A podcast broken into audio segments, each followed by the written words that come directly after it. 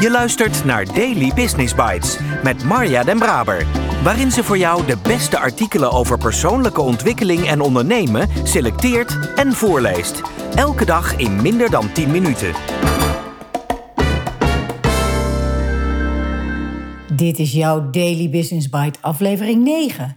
Zo word je een betere manager, maar vooral veel gelukkiger. Een artikel van Japke D. Bauma en NRC op 16 november 2021. En ik ben jouw host, Marja den Braber. Dit is de podcast waarin ik jou, en eerlijk gezegd ook mijzelf, enkele van de beste artikelen en blogs op gebied van ondernemen en persoonlijke ontwikkeling voorlees. Elke dag. Op gebied van ondernemen en persoonlijke ontwikkeling worden oneindig veel artikelen geschreven. En wellicht ontvang je zelf ook wel elke dag artikelen in jouw inbox.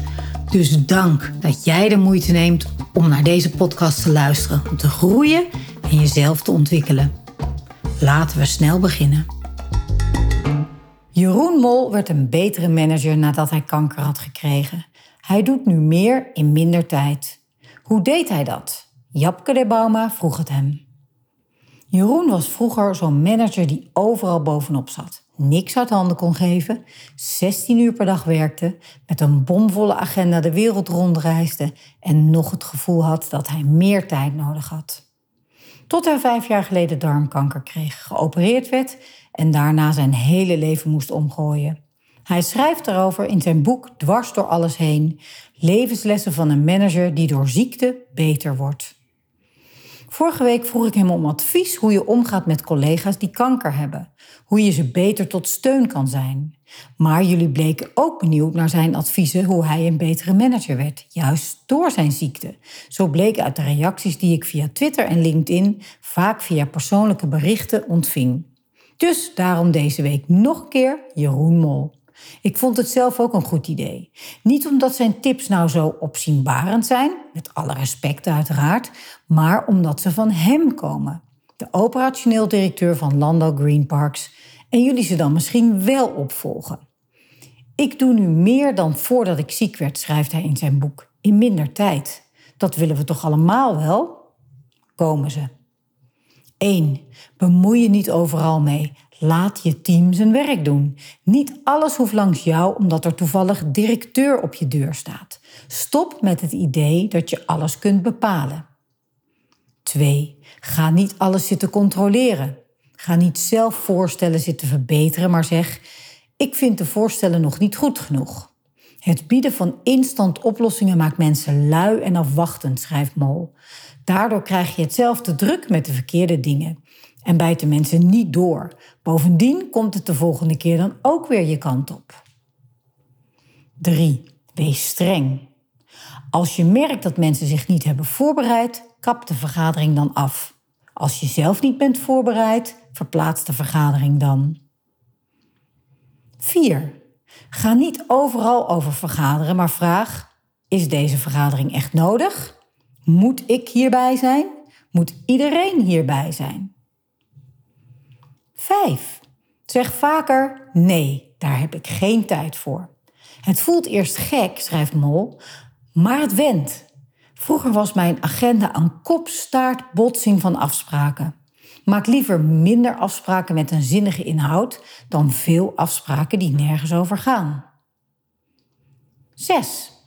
Een bomvolle agenda klinkt interessant, maar het betekent dat je geen prioriteiten kunt stellen.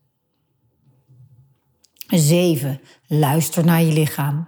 Als je rugpijn hebt of pijn in je nek of schouders, betekent dit dat je meer pauze moet plannen. 8. Plan sowieso meer pauze.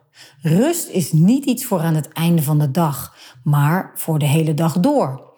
Plan dus blokken rust in je agenda en noem ze alleen geen rust, maar ideeëntijd. 9. Schaf lunchmeetings af. Lunch is voor pauze niet voor vergaderen. 10. Mail alleen als het nodig is. Hoe minder je mailt, hoe minder mails je krijgt.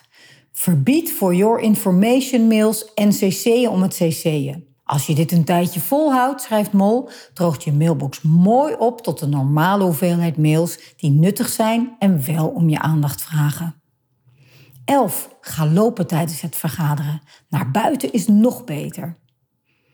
12. Ga vaker met de hond in het bos lopen, ook overdag. Werk niet in het weekend en kijk vaker uit het raam. 13. Stop met je schuldig voelen als je uit het raam kijkt, niet in het weekend werkt of overdag met de hond in het bos loopt. 14. Stop met het idee dat hoe hoger de functie, hoe meer dat betekent dat je 24-7 moet werken. 15. Durf te zeggen: ik kan dat niet. Ergens is het misverstand ontstaan dat leiders geen zwakte mogen tonen. Dat ze nooit een snotneus hebben, hoofdpijn of een slechte dag, schrijft Mol in zijn boek. Maar iedereen heeft liever een leider die vooral mens is.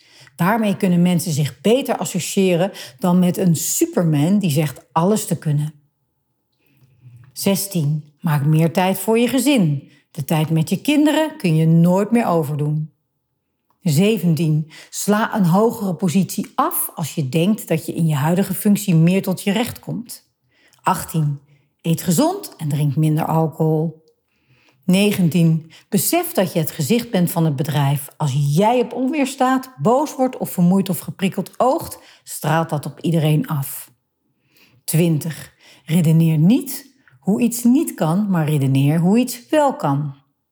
21. Tel je zegeningen.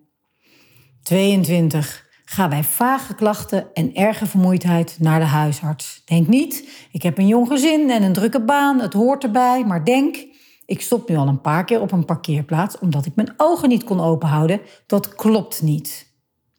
23. Begin vandaag nog met de tips van Jeroen Mol. Wat weerhoudt je nog, manager? Daily Business Bites met Marja Den Braber. Je luisterde naar Zo word je een betere manager, maar vooral veel gelukkiger van Japke D. Bauma.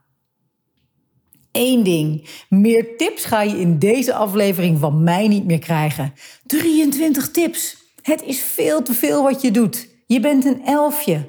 Dat ging er direct door mij heen. Dat is een geweldige sketch van de Vliegende Panthers... die Stefan Scholte en ik in leiderschapstrainingen gebruikten... om aan te geven dat de meeste managers of projectmanagers... gewoon veel te hard werken. Liever wat meer lui leiderschap. Iets dat Jeroen noodgedwongen leek te moeten doen... en iets waarvan ik hoop dat je het zonder een heftige gebeurtenis als dit mag... en vooral ook gaat doen. Overigens was het voor Stefan en mijzelf ook een codewoord als we als trainers veel te hard aan het werk waren. Een van ons hoefde alleen maar even elfje in het oor te fluisteren. Dat was al genoeg. Wat is jouw codewoord? Heb je hulp nodig daarbij? Ik houd namelijk heel erg van dit soort puzzels, dus kom gerust met mij in contact. Voor nu, pak er één mooie tip uit, ga die doen en dan spreek ik je morgen weer.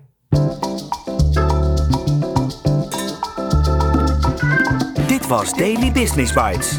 Wil je vaker voorgelezen worden? Abonneer je dan op de podcast in je favoriete podcast-app. Meer weten? Klik op de links in de show notes.